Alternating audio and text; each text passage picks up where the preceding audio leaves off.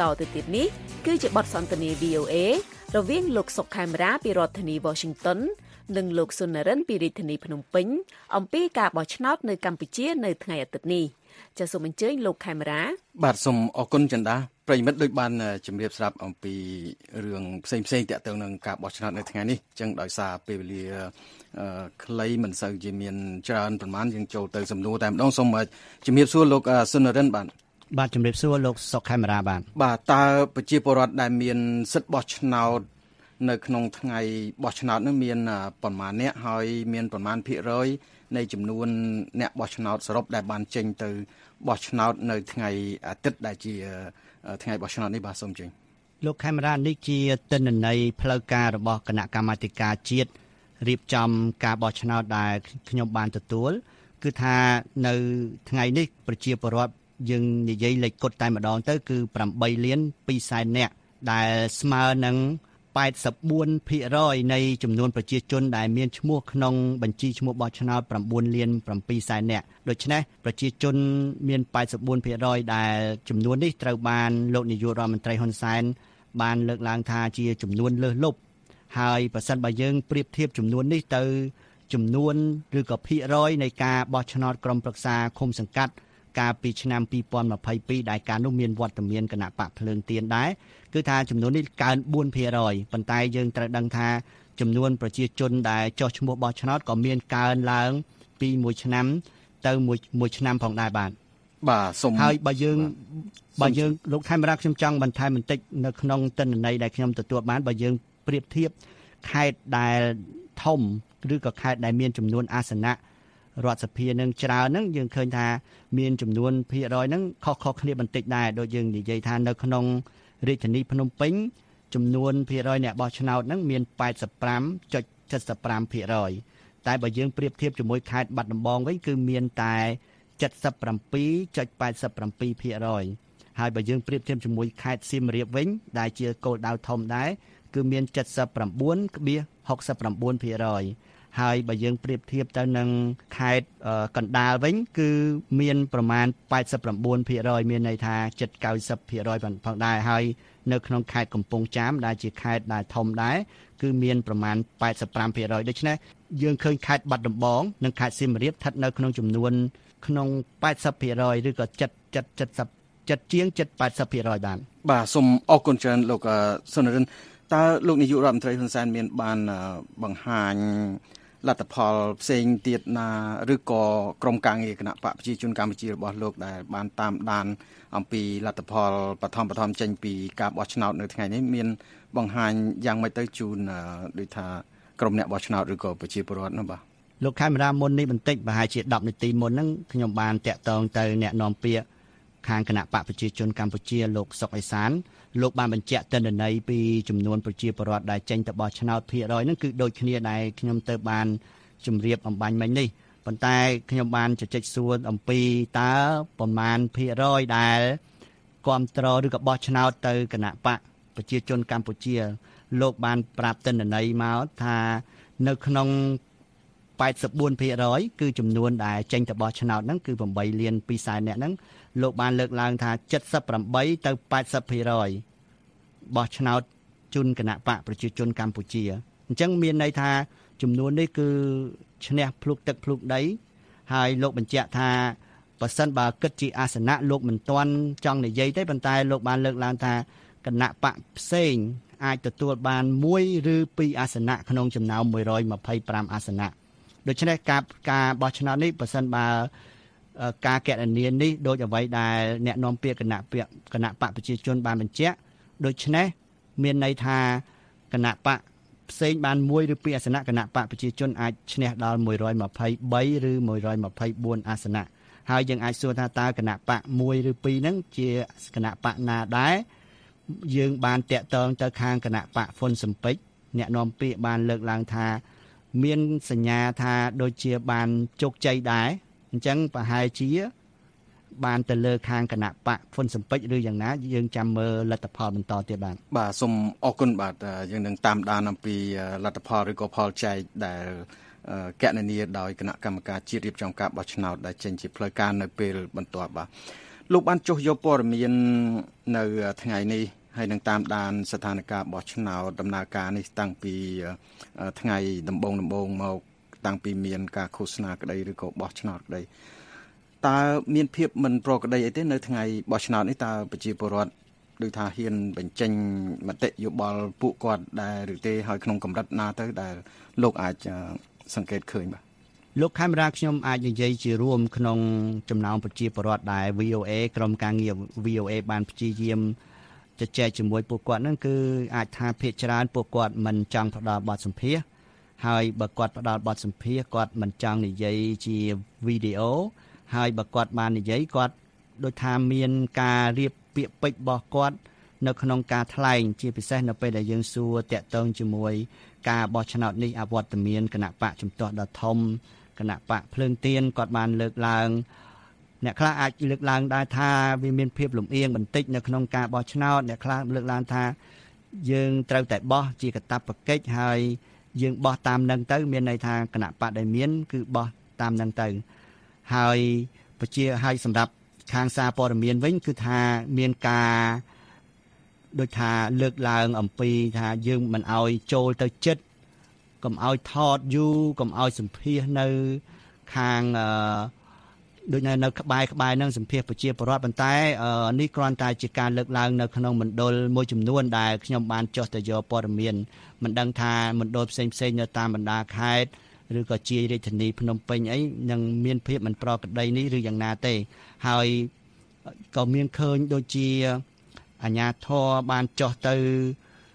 នៅគៀកគៀកអ្នកសង្កេតការនៅគៀកគៀកប្រអប់នៅហឹបគៀកគៀកហឹបសម្ងាត់បោះឆ្នោតហ្នឹង គឺនៅគៀកគៀនហ្នឹងដែលមិនដឹងថានេះអ្នកជំនាញគាត់អាចលើកឡើងយ៉ាងដូចម្ដេចទេថាការដែលមានវត្តមានរបស់សមត្ថកិច្ចឬក៏អ្នកសង្កេតការដែលភាគច្រើនជាអ្នកសង្កេតការរបស់សហភាពសហព័ន្ធយុវជនកម្ពុជានឹងនៅគៀកគៀកហ្នឹងតើវាអាចមានអតិពលអីលើការគូសញ្ញលឹកឆ្នោតរបស់ប្រជាពលរដ្ឋឬយ៉ាងណាទេបាទ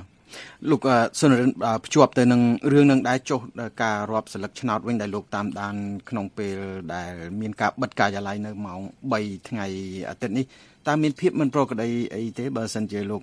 និយាយថាមានអាជ្ញាធរនៅក្បែរក្បែរនោះតើពួកគាត់ថយទេឬក៏នៅទីនោះដដែលឬក៏យ៉ាងណាលោកសង្កេតឃើញយ៉ាងម៉េចបាទបើតាមមណ្ឌលបោះឆ្នោតឬក៏បន្ទប់បោះឆ្នោតមួយចំនួនដែរអ្នកព័ត៌មាន VOA បានចុះទៅផ្ទាល់ហ្នឹងគឺថា មានមិនខុសគ្នាទេគឺទី1ការហាមខកហាមឃាត់ថតរូបថតវីដេអូនៅពេលដែលអ្នកសារព័ត៌មានទៅថតក៏ស្រាប់ថាមានការលើកឡើងថាមិនអោយថតទេ រហូតដល់អ្នកសារព័ត៌មានដែលមានការចេញដោយកោចបហ្នឹងបានព្យាយាមទៅនិយាយជាមួយប្រធាន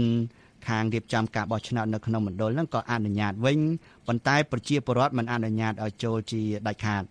ហើយមានការទាញទ្វារបិទគប់ កន្លែងខ្លះហើយស្របពេលនេះផងដែរក៏ឃើញមានមេដឹកនាំគណៈបកជំទាស់នៅក្រៅប្រទេសលោកសំរងស៊ីក៏បានលើកឡើងពីភាពមិនប្រក្រតីដូចជាការបិទទ្វារបិទបន្ទប់ការមិនអនុញ្ញាតឲ្យប្រជាពលរដ្ឋចូលទៅឃ្លាំមើលការបោះឆ្នោតការរាប់សន្លឹកឆ្នោតហ្នឹង ដូច្នេះដូចថាមានភាពមិនប្រក្រតីអីដែរនៅក្នុងការិយាល័យដែលដែលអ្នកយកព័ត៌មាន VOA បានចោះទៅប៉ុន្តែមិនដឹងថានៅតាមការិយាល័យផ្សេងហ្នឹងមានសភាពបែបបែបម៉េចទេប៉ុន្តែនៅក្នុងសន្និសីទសារព័ត៌មាននៅល្ងាចនេះក្រោយបិទបញ្ចប់ការបោះឆ្នោតហ្នឹងខាងគណៈកម្មាធិការជាតិរៀបចំការបោះឆ្នោតមន្ត្រីក៏បានឆ្លើយតបនឹងសំណួររបស់អ្នកសារព័ត៌មានសាកសួរអំពីបញ្ហានេះក៏បានលើកឡើងអំពីថា ដូចថាมันមានជាករណីបែបនេះជាគោលការណ៍ហាមឃាត់អីទេប៉ុន្តែ អាចកើតឡើងនៅមណ្ឌលណាមួយចំនួនដែលมันមានដែលដែលมันมันมันมันក្រុមការងារមិនទាន់បានដឹងឬក៏យ៉ាងម៉េចបាទបាទសូមអរគុណលោកសុនរិនបាទយើងនឹងត្រៀមរងចាំដូចថាធ្វើសេចក្តីរាយការណ៍អំពីភាពមិនប្រក្រតីឬក៏ភាពមិនប្រក្រតីដែលនឹងរាយការណ៍ជូនដោយ ដូចថាអ្នកសង្កេតការជាតិនិងអន្តរជាតិហើយនិងអ្នកសង្កេតការគណៈបកនយោបាយជាច្រើនដែលបានចុះសង្កេតការផ្ទាល់នៅកន្លែងបោះឆ្នោតនោះបាទនៅពេលនេះតើមើលទៅការដែលនិយាយអំពីសัญลักษณ์ឆ្នោតมันបានការឬក៏សัญลักษณ์ឆ្នោតដែលគូសចោលដែលមានការ និយាយច្រើនរិះគន់ច្រើនតាមប្រព័ន្ធសង្គមកើតឡើងមុន ពេលបោះឆ្នោតឬក៏ថ្ងៃបោះឆ្នោតនេះតើលោកអាចសង្កេតឃើញបានយ៉ាងម៉េចទៅបាទអំពីចំនួននេះលោកខេមរាតាមលោកនាយករដ្ឋមន្ត្រីហ៊ុនសែនដែលថ្លែងជាសារមួយនៅថ្ងៃអាទិត្យនេះ បញ្ជាក់យ៉ាងច្បាស់ថាចំនួនសញ្ញាឆ្នោតដែលគូសចោលដែលលោកចង់សម្ដៅលើថាតាមការអំពាវនាវរបស់លោកសំរងស៊ីនៅក្រៅប្រទេសហ្នឹងគឺ មានមិនច្រើនទេ ហើយនៅពេលដែលខ្ញុំសួរអ្នកនាំពាក្យគណៈបកប្រជាជនកម្ពុជាលោកបានបញ្ជាក់ថាប្រហែលជាសញ្ញាឆ្នោតមិនបានការនឹងមានប្រហែលជាមិនលើស30ម៉ឺនសញ្ញាទេហើយលោកបានបញ្ជាក់ថានេះគឺជាសញ្ញាឆ្នោតដែលគ្រប់គ្រងទៅមេដឹកនាំគណៈបកជំទាស់នៅក្រៅប្រទេសគឺមានចំនួនតែ30ម៉ឺនប៉ុណ្ណោះ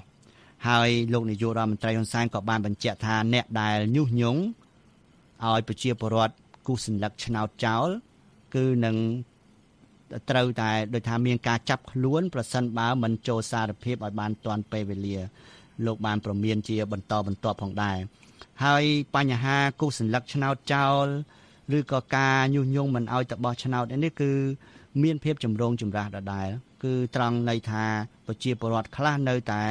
យល់ថាពួកគេត្រូវតែទៅបោះឆ្នោត ហើយមួយទៀតពួកគេមិនអាចគូសសញ្ញាឆ្នោតចោលឬក៏អីខ្លាចមាន ការតាមដានដឹងជាប់ទោសទណ្ឌអីផ្សេងផ្សេងផងដែរហើយដូចខ្ញុំបានលើកពីអំបញ្ញពីមុនហ្នឹងគឺថាមានករណីដោយថាអាជ្ញាធរឬក៏អ្នកសង្កេតការឈរនៅចិត្តមែនតើនៅក្នុងនៅកន្លែងបន្ទប់គូសសញ្ញាឆ្នោតផ្សេងផ្សេងផងដែរបាទបាទសូមអរគុណបាទប្រិមិត្តកំពុង តាមដានស្ដាប់កម្មវិធីផ្សាយបន្តផ្ទាល់របស់ VOA បាទលោកសុនរិនតើមានការខាត់ខ្លួនមនុស្សយ៉ាងណាទៅពិតប្រាកដទេពីព្រោះឃើញបណ្ដាញដោយថាសង្គមមួយចំនួនបានផ្សាយអំពីការខាត់ខ្លួនមនុស្សខ្លះដែរតកតងនឹងការគូសសន្លឹកឆ្នោតចោលនេះបាទលោកអាចរៀបរាប់ជំរាបជូនអស់លោកអ្នកស្ដាប់បានយ៉ាងម៉េចទេបាទបាទលោកខេមរាពិតជាមានទទួលបានពីព័ត៌មានពីអ្នកនាំពាក្យ របស់កជបប៉ុន្តែមិនដឹងថារហូតមកដល់ពេលនេះមានការដោះលែងពួកគាត់ឬពួកគាត់បានសារភាពកំហុសហើយត្រូវបានដោះលែងឬយ៉ាងណាទេ មានករណីមួយនោះគឺថាគាត់ចូលគូសសញ្ញាឆ្នោតហើយបន្ទាប់មកគាត់មិនចង់ដាក់សញ្ញាឆ្នោតនៅក្នុងហឹបឆ្នោតដែលអាជ្ញាធរឬក៏អ្នកតាមដានបានរកឃើញហើយក៏មានការខាត់សួរគាត់អីតាំងពីព្រឹកប៉ុន្តែខ្ញុំមិនទាន់មានព័ត៌មានថាគាត់ត្រូវបានដោះលែងឬយ៉ាងណាទេ ហើយករណីមួយទៀតនោះគឺការគាត់គូសញ្ញាឆ្នោតហើយមានថាដោយថាឃើញគាត់យកទូរស័ព្ទ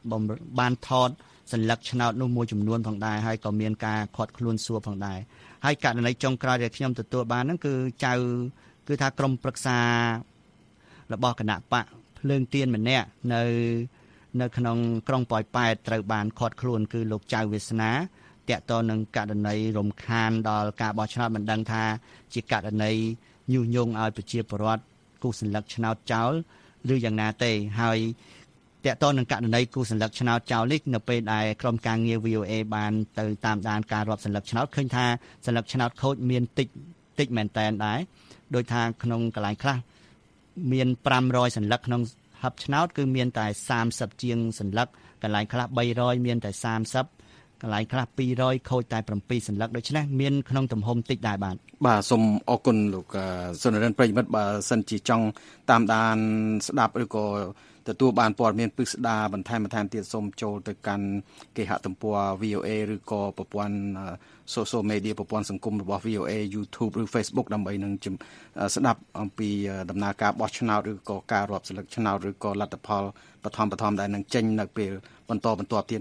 នៅនាទីចុងក្រោយចិត្តនឹងដល់ម៉ោងនេះដែរតើលោកសុនរិនដែលបានតាមដានស្ថានភាពហ្នឹង តើមានឃើញសកម្មជនឬក៏សមាជិករបស់គណៈបកភ្លើងទៀនឬក៏មន្ត្រីដែលពួកគេទៅបោះឆ្នោតនឹងហើយពួកគេបានសម្ដែងមតិយោបល់យ៉ាងម៉េចខ្លះទៅអំពីការបោះឆ្នោតនៅពេលនេះឬក៏ស្ថានភាពទូទៅនោះបាទយើងបានដឹងថាថ្នាក់ដឹកនាំក៏ដូចជាសកម្មជនគណៈបកភ្លើងទៀននឹងបានចុះទៅបោះឆ្នោតមែនដូចជាលោកសុនឆៃអនុប្រធានគណៈបកលោកកឹមសុភិរិទ្ធកឹមសុភិរិទ្ធសំទោសគឺអ្នកនាំពាក្យគណៈបក លោករងឈុនអនុប្រធានហើយនិងសកម្មជនមួយចំនួនទៀតបានទៅបោះឆ្នោតហើយហេតុផលមួយដែលពួកគាត់ទៅបោះឆ្នោតនោះពួកគាត់បានលើកឡើងថាគឺដើម្បីរក្សាសិទ្ធិនៅក្នុងការឈរឈ្មោះឲ្យគេបោះឆ្នោតនៅការបោះឆ្នោតក្រោយៗទៀតដូចជាការបោះឆ្នោតប្រសិទ្ធិការបោះឆ្នោតក្រុមប្រឹក្សាគុំសង្កាត់មួយទៀតដែលនឹងធ្វើនៅឆ្នាំ2027ហ្នឹងគឺពួកគាត់ថាដើម្បីរក្សាសិទ្ធិហ្នឹងដោយសារ អនុវត្តទៅតាមច្បាប់បោះឆ្នោតថ្មីដែលស្នើដោយលោកនាយករដ្ឋមន្ត្រីហ៊ុនសែនថាត្រូវតែមានការត្រូវតែបោះឆ្នោតពីរដងជាប់គ្នាទើបអាចឈរឈ្មោះឲ្យគេបោះឆ្នោតបានដូច្នេះប្រសិនបើខកខានមិនបោះឆ្នោតនៅក្នុងការបោះឆ្នោតកាលនៅថ្ងៃអាទិត្យនេះទេគឺมันអាចមានសិទ្ធិឈរឈ្មោះឲ្យគេបោះឆ្នោតជាដាច់ខាតបាទបាទសូមអរគុណច្រើនលោកសុនរិនបាទ ប្រិមិត្តនេះជាសេចក្តីរាយការណ៍លំអិតផ្ទាល់របស់លោកសុនរិនពីរាជធានីភ្នំពេញតាក់ទងទៅនឹងដំណើរការបោះឆ្នោតនៅថ្ងៃអាទិត្យនេះប្រិមិត្តអាចនឹងស្ដាប់កម្មវិធីផ្សាយរបស់ VOA ជាបន្តបន្ទាប់ទៅទៀតដែលអ្នកយកព័ត៌មានរបស់ VOA នឹងផ្សាយជូនជាបន្តបន្ទាប់នៅថ្ងៃនេះនិងថ្ងៃខាងមុខខាងមុខទៀតអញ្ចឹងសូមអរគុណដោយសារពេលវេលាខ្លីសូមជម្រាបលាលោកសុនរិនពី Washington តែប៉ុណ្ណេះសិនបាទអញ្ចឹងអរគុណច្រើនបាទបាទសូមជម្រាបលាលោកកាមេរ៉ាបាទ